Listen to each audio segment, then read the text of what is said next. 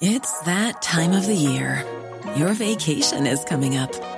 You can already hear the beach waves, feel the warm breeze, relax, and think about work. You really, really want it all to work out while you're away. Monday.com gives you and the team that peace of mind. When all work is on one platform and everyone's in sync, things just flow wherever you are. Tap the banner to go to Monday.com. I'm Sandra, and I'm just the professional your small business was looking for. But you didn't hire me because you didn't use LinkedIn jobs. LinkedIn has professionals you can't find anywhere else, including those who aren't actively looking for a new job but might be open to the perfect role, like me. In a given month, over 70% of LinkedIn users don't visit other leading job sites. So if you're not looking on LinkedIn, you'll miss out on great candidates like Sandra. Start hiring professionals like a professional. Post your free job on linkedin.com/people today.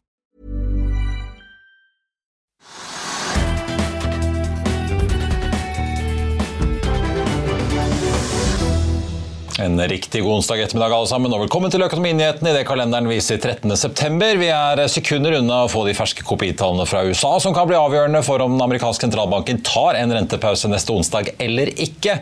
Det er dramatikk på toppen av oljegiganten BP, der toppsjefen går på dagen. Arctic har ikke klart å hente penger til syndikatet bak det gjeldstyngede Equinor-bygget på Fornebu, og Skipsted kjøper seg opp i den pressete streamingaktøren Viaplay på Stockholmsbørsen, får vi si, og mye, mye mer, så det er bare å glede seg. Dagens gjester kommer fra Veidekke og Gjensidige. Vi skal nemlig ta pulsen på oppryddingen etter uværet Hans og spørre hvor mye all ryddejobben skaper av aktivitet i en bygg- og anleggsnæring som er under press, og om forsikringsbransjen kommer til å bli strengere med oss bolig- og gårdeiere fremover.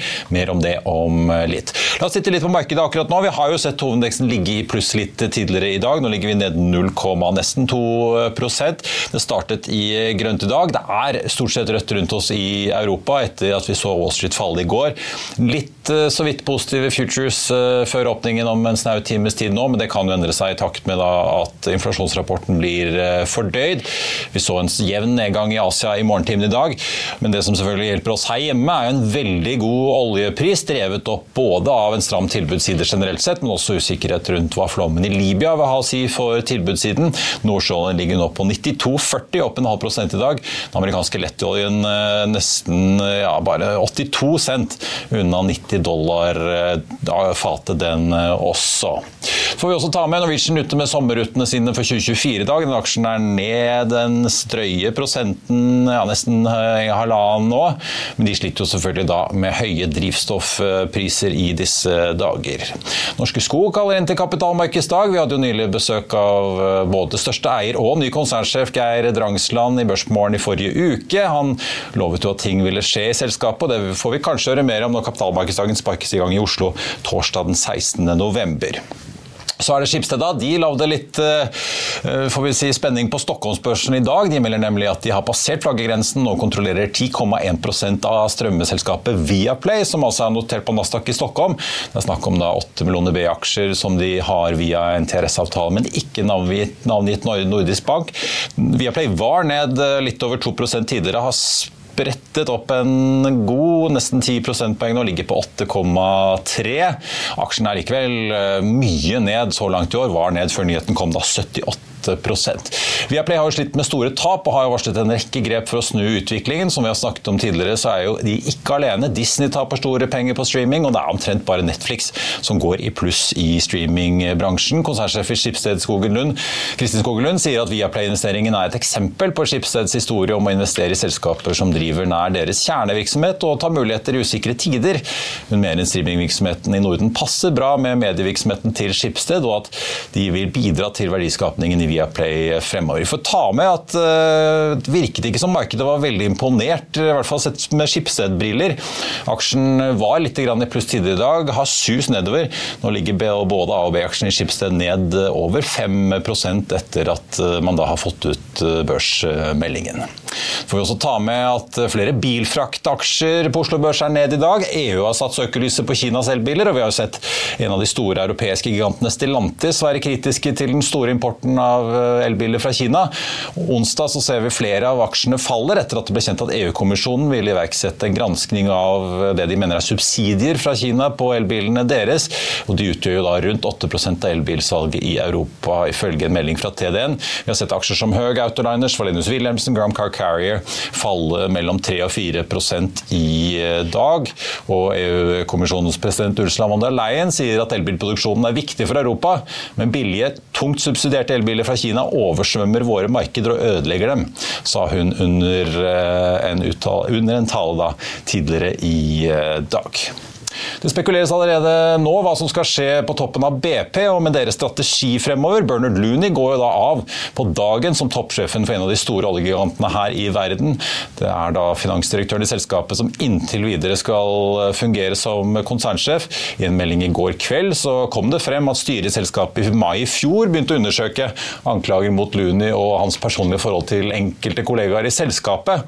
Ifølge meldingen fra BP så har han ikke vært helt transparent med alt han har sagt i styret. Og dette har da endt med at han går på dagen. Hva som skjer med endelige lønns- og bonusvilkår, samt hvem som skal overta, er ikke klart ennå, men styret sier at de skal komme med mer informasjon når det foreligger. Apple endte for øvrig ned 1,7% etter sitt lanseringsshow i går. Som Karl Johan spådde, så kom det bl.a. en rosa iPhone. Da skal vi eh, zoome litt tilbake til i morges. Nordea har tatt eh, for seg tørrlastsektoren og er i gang med dekningen av Elships, Golden Ocean, 2020 Bulkers og Himalaya. Og sier kjøp på alle fire i Børsmorgen i morges. Så fortalte shippinganalytiker Erik Håvi om hvorfor, og vi måtte selvfølgelig spørre om det bare er gull og grønne skoger i sikte, eller om det kanskje også er ting som kan ødelegge litt for moroa. Her er et utdrag av den praten. Ser du noe nedsiderisiko, gitt at Kina er såpass viktig for tøllastmarkedet? Altså, Tøllast har jo vært eh, veldig lenge og kommer til å fortsatt være et, et, et spill på Kina-dynamikk, selvfølgelig. Så, så, det har jo noe, noe, å si. Man har jo sett at det er svak innlandskonsumvekst, eh, innenlands konsumvekst, uh, bl.a. Men på importsiden av råvarer så har du faktisk sett en liten vekst på, på spesielt jernmalm, bauxitt, som er store drivere for tøllastspacet. Så du har egentlig sånn tonnmilmessige effektene, da, som, som det som driver raten i tørrlastmarkedet, har egentlig sett, sett bedre utsikter på etterspørselssiden, men så har du hatt en del flåteeffektiviteter som har liksom dratt eh, senket da, eller gjort flåten mer effektiv, sånn at du ikke har fått helt den rateutviklingen ennå. Så med tanke på da, at du ikke har noe særlig flåtevekst inn i neste år, og at du har et veldig eh, gode utsikter på, med tanke på at eh, ordreboken er så lav som den er, så er det egentlig bare rom sånn som vi ser det mest for at du skal ha en stramning på oppsiden. Så, eh, sånn som vi ser det, så er risken mer på oppsiden enn, enn på nedsiden. Og hvis man går litt sånn nærmere inn på prisingen på de, ser på stålverdiene, så var jo det når vi gikk inn i året her, så så det jo relativt dyrt ut med tanke på stålprisene. Da, tre, da prisa aksjene mye nærmere i forhold til de verdiene. Nå har på Cape Size f.eks. den falt på tiåringen 10 år til dato. Så de ser mye mer attraktive ut i forhold til at det ikke er mer nedside på, på, på, på skipsprisene. Også samtidig så er f.eks. Golden Ocean eh, er jo prisa ekstremt billig nå, sånn som jeg ser det, på under, godt under 70% av Nav, da, av stålet som, som, tilsier at det er en ganske sånn god oppside bare til sånn fundamentale, uh, fundamentale utsikter. Er, er, det Golden Ocean som er den mest underpriset av disse her? Det vil jeg si. Det er jo den også som har sånn år til dato også performet dårligst. og Mye av grunnen til det er jo kanskje også for at det er den mest likvide, holdt jeg på å si. og Det er enklere å holdt på å si prisene ned også når markedet ikke er så godt, men du har jo da den samme volatiliteten på oppsiden, så, så definitivt tror jeg at det er en veldig god kandidat. Ja. Vi har fått eh, de ferske inflasjonstallene fra USA. Knepp neppe over hva som var ventet, kanskje. Vi så jo den norske inflasjonen falle under 5% i august, men det var jo mye takket strømprisen som trakk det hele ned. Kjerneinflasjonen i Norge fortsatt 6,3, ned fra 6,4. Jeg tenkte bare å ta da konsumprisindeksen i uh, måned for måned i USA. Var ventet å gå fra 0,2 til 0,6, endte på 0,6 for måneden. Økte fra 3,2 til 3,7 uh, på årsbasis da, 0,1 mer enn ventet. Mens kjernen, som i USA da, i motsetning til Norge, ikke regner med mat og energi, Den økte med 0,3. Det var 0,1 mer enn ventet. Og så så vi da kjernen på årsbasis økte, nei, unnskyld, falt fra 4,7 til 4,3, akkurat som uh, ventet. Futures på Wall Street uh, fortsatt omtrent uendret fra start, ligger så vidt ned nå da en 50 minutter før vi er i gang med handelen i, på Wall Street. Nå skal vi snakke flom og regn, kan jeg vel si, for skaden etter uværet Hans er i hvert fall estimert til å havne rundt 1,8 milliarder ifølge finansnæringen selv. Men kan alt uværet egentlig gi en boost til byggenæringen når man regner med alt, fra alt hva kommuner og stat må reparere og utbedre? Og om forsikringsselskapene kanskje blir litt strengere med oss eh, fremover? Kan vi få Florida-tilstander der forsikringsselskapene rett og slett bare takker for seg i enkelte områder? Velkommen, Lars eh, Kirkebakk, direktør for skadebehandling i Gjensidige, og også Kristoffer Eide Moen i Veidekke, analysedirektør. Takk for det. Skal vi begynne med det først, Lars. Er det 1,8 milliarder omtrent som er eh, skade for bedrifter og private, før vi snakker om det offentlige? Ja, Det er de siste estimatene fra, fra Norsk Naturskadepool. Det er ja. de som samler, samler informasjon fra, fra, hele bransjen. Så det er, det er best guess. Det kommer helt sikkert til å forandre seg, men det er vel pluss-minus der det ligger. Hvordan vil dere, som dere som sitter som en av de store aktørene i forsikring, hvordan er størrelsen på alle de skadene vi fikk med Hans og mange ganske kraftige regnskurer eh, før og etter sammenlignet med det vi har sett tidligere i Norge? Det er eh, altså det, det, som er med, med Hans-skadene, og i og for seg også det regnskyllet over Oslo-regionen eh, noen uker etterpå, så er jo også vannskader og flomskader er alltid dyrere og mer, mer komplekse si, enn en snittskadene. Så hvis vi tenker at en gjennomsnittlig bygningsskade kanskje er på pluss-minus 50 000, så er, en, er disse skadene kanskje pluss-minus et sted mellom 100 og 200 000. Og så er det jo, er det jo Men de er ikke de, hoveddelen av skadene er egentlig ikke komplekse og, i, i, den forstand at det er vanskelig å gjennomføre. Det skal, det skal tømmes og rives, øh, tørkes og gjennomføres. Og det er ganske sammen, kontrollert. Ja, for da vi snakket sammen før sending, så sa du at det er så banalt som at dere bare er opptatt fra bransjen og, og gjensidig at folk rett og slett får, får opp, får luftet, at det tørker, at det ikke legger seg sopp og ting før vinteren setter inn? Ja, Det er jo det viktigste nå. Altså, det er jo å få, få, altså, få tørkeprosessene uh, både i gang og gjennomført. Og de er jo i gang de aller, aller fleste stedene. Jeg vil tippe at de fleste skader der er man i gang med tørk. Og så er jo det, det er jo en lang prosess. Det vil jo ta kanskje to til tre måneder eh, på det enkelte sted. Og så er det om å gjøre å ha på varme så det ikke blir frost. Og så er det, så er det selvfølgelig mugg og, mugg og sopp. Det vet vi jo eh, er en tilleggsting som vokser på i en sånn hendelse. Det, men det, det, er, altså det har vi jo ekspert på som håndterer. Det er mulig å løse, og det er også mulig å måle at det er løst. Da. Så det er ikke noe Det er, det er bare at det tar, det tar, litt mer tid. Koster kanskje noe mer, men ikke noe sånn dramatisk. Men når eh, sånn av erfaring tipper dere at man er eh, ferdig med de kortsiktige utbedringer og reparasjonene? Ja, før, øh, før, det siste regnskyllet over, over Oslo Parkeringskjeller på Bekkelaget? Ja, ja, akkurat før det øh, så trodde vi jo at øh, i hvert fall kanskje 50% av skadene ville være ferdig i løpet av tre måneder. Men så har jo det siste det, det har jo gjort at saneringsbransjen har vært nødt til å trekke en del ressurser tilbake fra, fra Distrikts-Norge og tilbake til Oslo-regionen for å håndtere det akutte der. Eh, så det Jeg er litt usikker på om, vi, om den prognosen holder, da. Men, eh, men, at majoriteten burde være løst i løpet av seks måneder. Og så vil det sikkert være skader som vil ta, ta veldig mye lengre tid òg. Det er jo viktig å huske på at det er i tillegg til de uh, volumskadene som vi snakker om nå, eller frekvensskadene av etter en flom, da, som jo er store og dramatiske og har store ringvirkninger for de som treffes av det, uh, så er det jo også bolighus som er tatt av skred. Det er jo virksomhet, det er kjøpesentre som er ødelagt, det er campingplasser, det er kraftverk. Altså det, er, det, er, jo mye annet også. Men spesielt de skredskadene har jo lett for å bli litt borte i når vi snakker om mengde og store tall osv. Men der er det jo jeg besøkte jo sjøl et sånt skredområde i Valdres, så det var jo Hadde det gått om natta, så hadde det jo gått liv. ikke sant? Det har det ikke gjort. Så det har, det har, mange andre impacts også enn bare akkurat det der å se på når tror vi majoriteten av skadene er ferdig. Kristoffer, veldig glad deg. fordi Vanligvis så pleier du å være her når dere kommer med analyserapporter og mm. prognoser for aktiviteten i bygg og anlegg, som jo er en stor del, eller en stor bransje i norsk økonomi. Har dere liksom eh, sånn formening om hvor mye skader utgjør, liksom hvor mye aktivitet egentlig gir av din næring, for å si det litt enkelt? Jeg tenker jo dette er en eksamen for, for norsk bygg- og anleggsbransje. Det er jo viktig å si med en gang. Men, men ikke volummessig og, og, hvor godt vi klarer å bygge opp igjen, men hvor fort eh, vi klarer å, å gjøre det. For det er jo tross alt tapet av, av fungerende infrastruktur og, og, boliger som er, er, den store kostnaden. Ja, en toglinje mellom Lillehammer og Trondheim? Ja, eller, eller, at boligen din ja. står under vann, da, eh, for å ta det helt nære. Eh, sånn, sånn rent matematisk så, så, utgjør de summene, hvis vi legger sammen det vi hører fra forsikringsbransjen så langt, vi, de, de, signalene vi har fått fra veisektoren osv., kanskje eh, rent matematisk to til tre dagers arbeid i, i bygg- og anleggsnæringen. Så det er liksom ikke volumsiden som jeg tenker er er det store temaet, egentlig. Men å, å, løse den oppgaven så fort som det må gjøres, da. Ja, for det, det har jo vært store områder under vann. Du ser svære kjøpesentre, som du sier, veier. men hvis du måler opp mot alt det dere gjør, enten det er snakk om å bygge samferdsel eller bolighus eller næringsbygg, så, så er det få prosent?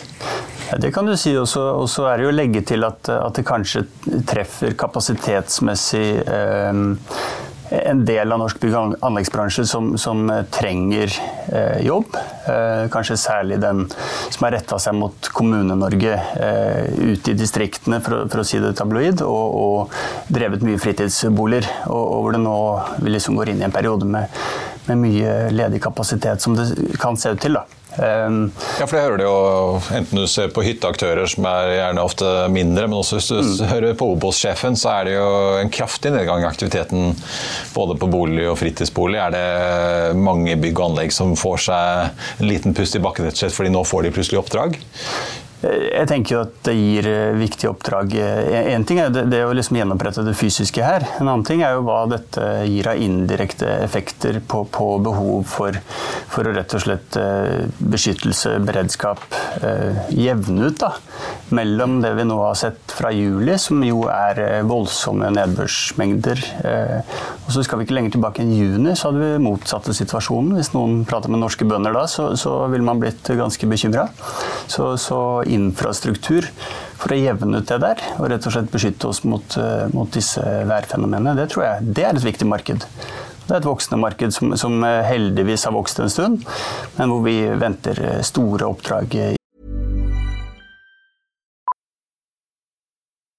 Millions of people have lost weight with personalized plans from Noom, like Evan, who can't stand salads and still lost 50 pounds. Salads generally for most people are the easy button, right? For me, that wasn't an option. I never really was a salad guy. That's just not who I am. But Noom worked for me. Get your personalized plan today at Noom.com. Real Noom user compensated to provide their story. In four weeks, the typical Noom user can expect to lose one to two pounds per week. Individual results may vary. I'll see you in court. Vi sier det ofte litt på spøk. Men for deg som driver business, er det aldri moro å innse at du ikke har laget en 100% gyldig kontrakt.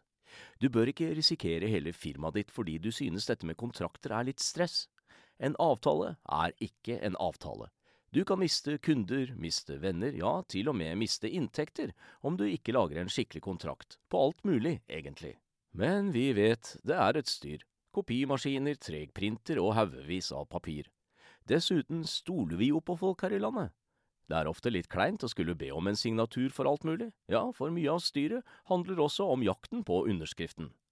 Det finnes en enkel måte å løse dette på, Dukkobit, en trygg, effektiv og get this, gratis måte å sikre seg en god natts søvn pluss en juridisk bindende avtale. Dukkobit-appen har de strengeste sikkerhetskrav i bunn, samt en EU-godkjent og sertifisert teknologi. Framover vil det bli behagelig å spørre du, skal vi skrive under på det, eller? Kom i gang på dokobit.no.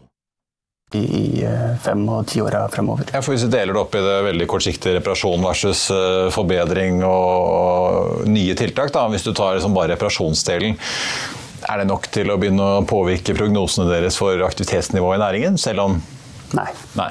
Så du må opp på de større opprustningsprosjektene Jeg tenker Der, der er oppdraget, der er samfunnsoppdraget å løse dette på en effektiv måte. Enten det er på, på, veisektoren, som jo vi eh, er involvert i som entreprenør, eller, eller de oppgavene som mer retter seg mot husholdningssektoren og flomskader, og hvor, hvor, det egentlig er en annen del av næringen med byggmestere, rørleggere etc. Som, som er involvert. Ja, for jeg vil i hvert fall supplere det bildet. At, eh, for vi har, jo, vi har, jo, faste partnere som både, som står for gjennomføring av skader eh, som treffer våre kunder. Og det, vi, vi, har jo vært ute nå, og det har vært ganske høy aktivitet for å utvide det leverandørkorpset.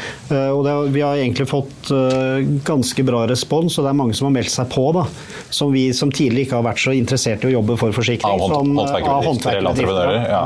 Men da er vi ute. Da er vi i Hallingdal og Valdres. og nordre og søndre land og i disse områdene som er eh, sterkt ramma, hvor det kanskje er mye hytteaktivitet mm. ellers. Så, så på et, eh, på, hvis vi ikke ser makro på det, så er det, så er det en bevegelse. Altså. Det er jo ofte lurt, det. Ja. Å ta, ta, det lokale perspektivet. Mm. Ja, for det er vel altså, Så lenge du har en snekker, rørlegger, en gravemaskin, så kan du jo både vri deg mot uh, altså Du kan jo gå ulike veier. Du kan både bygge hytter, men du kan også bistå i grunnarbeider og en god del andre ting. Og sanering og gjenoppbygging. og ja, definitivt. Det er, det er vel, spesielt også når det gjelder sanering og tørk, så er vi opptatt av at, vi, at man bruker spesialister og sørger for at det, er, at det, er, i orden før man begynner å gjenoppbygge. Eh, men etter det så tror jeg at det er veldig mange som kan Og det er mange nevedyktige nordmenn også, som gjør mye sjøl. Og det ser, det ser, vi også veldig stor Ta seg en tur på Maxbo en ja, lørdag eller søndag, ja. Det ser vi stor, eh, der ser vi stor forskjell på Norge òg. At det er geografisk forskjell, men eh, spesielt i, i i disse områdene som ble tøffest rammet av Hans da, tidlig, så, så, ser vi jo det at uh, viljen og mulighetene til å gjøre ting sjøl også er stor. Men uh, nå har jo sjefen i DSB, Lisbeth Aarseth, vært ute og sagt i media at det er et før og etter Hans på en måte i mentaliteten uh, rundt store vannskader og ekstremvær. Nå har vi akkurat hatt lokalvalg, så det er jo masse nye politikere som skal inn i de holdt jeg på å si, 1000 kommunehus og begynne mm. å ta fatt på Det er i hvert fall mange nye jobber jobben der. Merker dere, hvis vi begynner med dere i Veidekke, ser dere noe, noe tegn til noe taktskifte også fra på en måte det offentliges hold, enten det er snakk om offentlige byggherrer eller uh, i form av det offentlige som reguleringsmyndighet? Eh, det blir jo spennende å, se. Eh, nå sitter jo Kommune-Norge med, store ansvarsoppgaver for vann og avløp særlig, som, som, jo også er den infrastrukturen vi har mest verdi av her i landet. Eh, hvor vi også vet at etterslepet har bygget seg opp til, til om lag 500 milliarder kroner. Eh, og Der tenker jeg at kanskje man har eh, erkjent at man har havnet litt på etterskudd. Oslo kommune har jo kommet veldig sterkt i gang de siste åra. Vi har et stort, stort og dyrt rør rett oppi veien her på Oppseter. Ja. Og, og, og, mange kommuner gjør en god jobb, men, men, det der er jo et sektorovergripende tema, tenker jeg. Disse vann- og avløpsstrømmene det, det griper over kommunenivået. Så det blir litt spennende å se om, om de enkelte kommuner er, er robuste nok til å takle de store oppgavene som, som, åpenbart melder seg nå. Om de begynner å faktisk sette seg ned og planlegge og undersøke om de bør iverksette tiltak for å sikre seg bedre? da?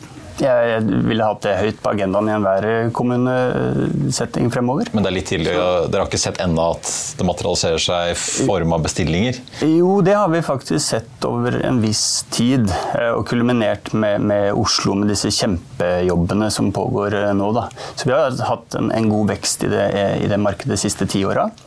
Eh, men vi er jo på, på halvparten av, av Sverige i forhold til å investere i vann, avløp og energi. Mens vi bygger mer vei enn Sverige. Mer vei og bane. Så vi har jo på en måte prioritert litt annerledes eh, så langt eh, her til lands. Så blir det litt spennende å se på de prioriteringene fremover, som vi tror kommer til å nødvendigvis måtte dreie seg. Og det Hans gjør liksom med politisk handlekraft, det er jo spennende å se konsekvensene av ikke bare hans, men det vi egentlig like mye det vi ser andre steder. Dere er vel også ganske opptatt av hva disse nye politikerne gjør, reguleringsendringer eventuelt ja. Eh, fremover, vil jeg tro? Ja. Jeg tenker Det at det er, altså det er, jo, det er stor konkurranse om uh, hva som skal gjøres da, i kommunal sektor. Altså det er klart at uh, Sammenligna med, med, helse og eldreomsorg og sånne ting, så får ikke større rørdimensjoner. Det vinner du ikke valg på. Men nå er jo valgene vunnet, så nå, nå Nå satser du på at alvoret senker seg over ja. Men, men, jeg, jeg syns også at jeg registrerer at det er, det, er, det har skjedd mye i løpet av de siste 10-15 årene i forhold til kommunenes oppmerksomhet rundt disse utfordringene. Da. Så der, der, der, mener jeg at det et, uh, har vært et uh, taktskifte, eller i hvert fall at vi mm. ser tydelige trender.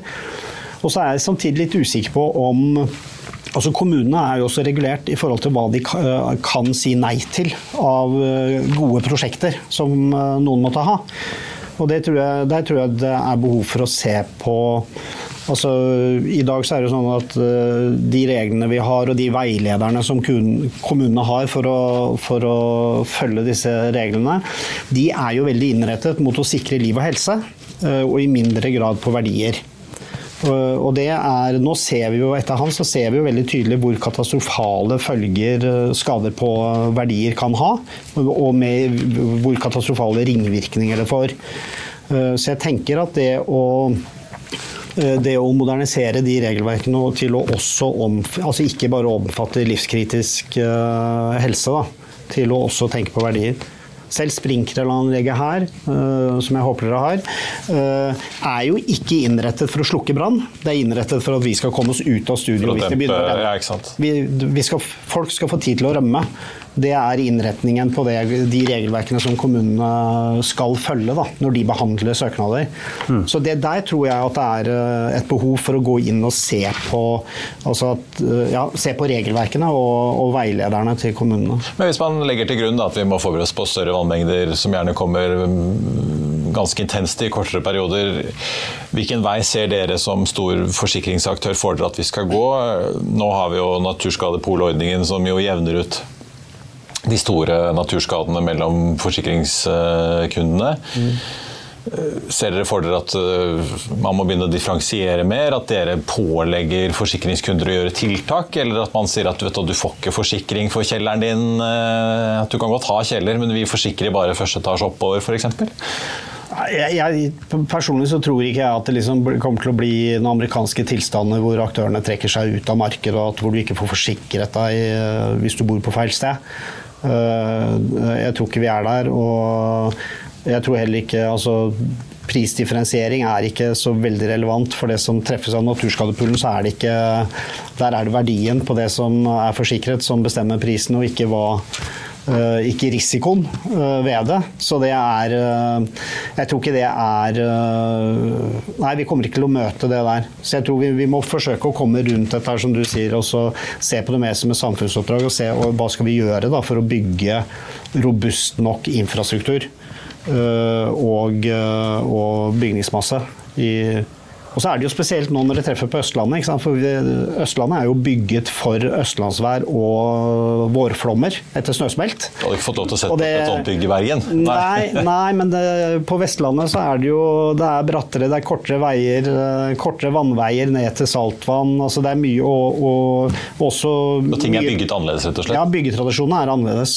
Så det er, eh, det er jo det gjør jo mindre skade rett og slett enn det, det det gjør her på Østlandet. Så der, der, tenker jeg at denne endringen med styrtregn som et nytt naturskadefenomen øh, må påvirke også byggetradisjonen i, på Østlands-Norge. Ja, jeg vet i hvert fall egen erfaring. Det er jo deler av USA hvor du, du får ikke forsikring for typ første etasje, for dette, du skal kunne tåle at det kommer en orkan rett inn, og så kan du ha godt ta andre og tredje etasje. Mm, mm.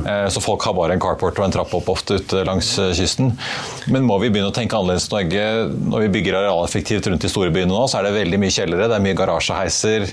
Det er veldig mye som er fort utsatt for vann hvis ikke man har god drenering og gode systemer. Men må vi begynne å tenke litt annerledes for å håndtere disse store vannmengdene som kommer på så kort tid? Jeg tror du setter ganske tydelig på agendaen alle, alle som driver med store investeringer. At man, man må liksom forholde seg til det her i, i utviklingen av nye områder. Det, det, kjenner jeg meg trygg på. Så, så Men, men eh, bare for det, det, vi sier om at kommunenivået da, i Norge nå sitter på ganske store forvaltningsoppgaver knytta til det vi, som treffer oss, mm. det, det, er, det, er jo litt bekymringsfullt med tanke på alt de treffes av økonomisk om dagen, med, med eldrebølge, renteoppgang, eh, høy gjeld fra før. Og så er det de som på en måte skal, skal inn og løse det her. Det går an å stille et uh, stort spørsmål ved, rett og slett rundt finansieringen av det som jeg kaller det må gjøres. da. Ja, for ofte så kan det jo være at hvis NVE går inn med midler til å gjøre flom- og sikrings- og skredtiltak, så kan jo det lønne seg veldig for samfunnet, men det lønner seg kanskje ikke for den aktuelle boligeieren eller gårdeieren nødvendigvis? Nei, men det, men det, er til syvende og sist sant, så er det jo vi som bor her og jobber her, det er vi som betaler regninga til slutt uansett. Altså Om det er gjennom en forsikringspremie eller gjennom en kommuneskatt eller noe annet, så er det altså pengene kommer et eller annet sted fra. Ja, jeg tenker eh, disse Insentivene er kanskje litt sånn rare, fordi ok, forsikring går opp fra 1000 til 1100, da, bare for å ta et ja. tenkt tall. Men du tar ikke investeringen på 40 000, for den Nei. blir stor for deg som enkeltaktør. Men man burde gjort det sånn for helhetens del, eller for samfunnets del. Ja, og det er derfor jeg tenker at det er viktig at man liksom setter trykk på altså, hvem er det som har incitament til altså Hvordan kan man bygge incitament da, til å gjøre en forandring eh, kontra det er i dag? For jeg er enig i at kommunene er, de sitter litt med svarteper og har, har, krevende oppgaver i forhold til å løse alt det som vi har eh, utvikla sammen. Mm. Vi får, uh, ja, så tenkte jeg skulle bare til å nevne, Dere kommer vel med en ny prognoserapport om et par ukers tid? Det stemmer, det. Ja. 28.9. Hvor lyst eller mørkt ut ser det ut? Kan du røpe noe i forkant? Nei, for bygg- og anleggsnæringen? Du, du spurte om oppbyggingen etter hans gir et, gir et, stort marked. Det tror jeg ikke, men jeg tror effekten av det blir et viktig marked. Altså de indirekte eh, behovene som nå melder seg. I forhold til vann, avløp og energi, selvfølgelig. Mm. Da får vi, det kan vi avsløre allerede. Ja. Så får vi se hvor strenge klipp av dere i forsikringsnæringen blir etter hvert med oss uh, boligeiere.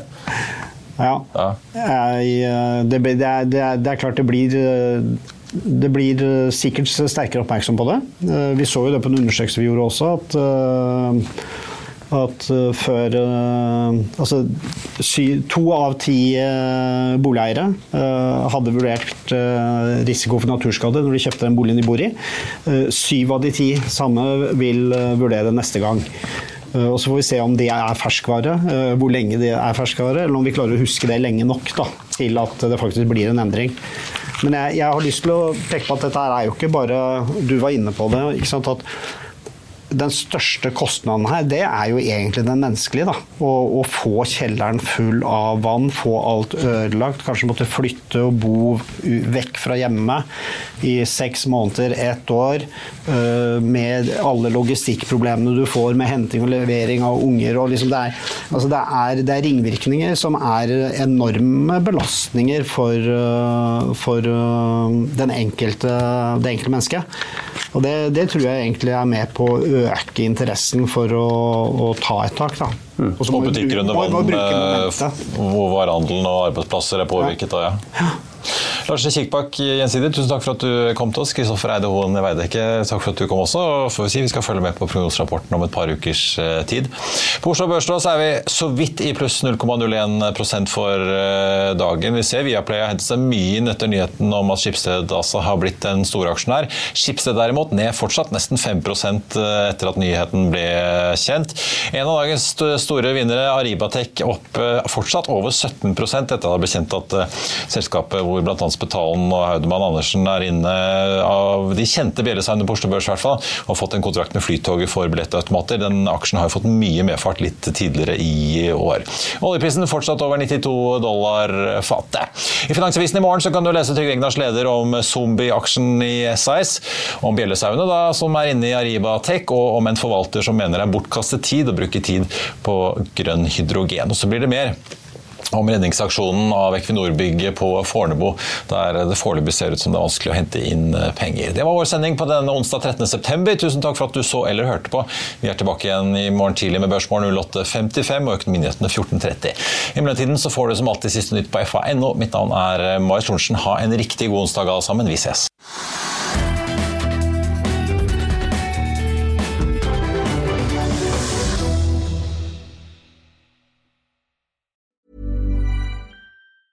Hey, it's Danny Pellegrino from Everything Iconic.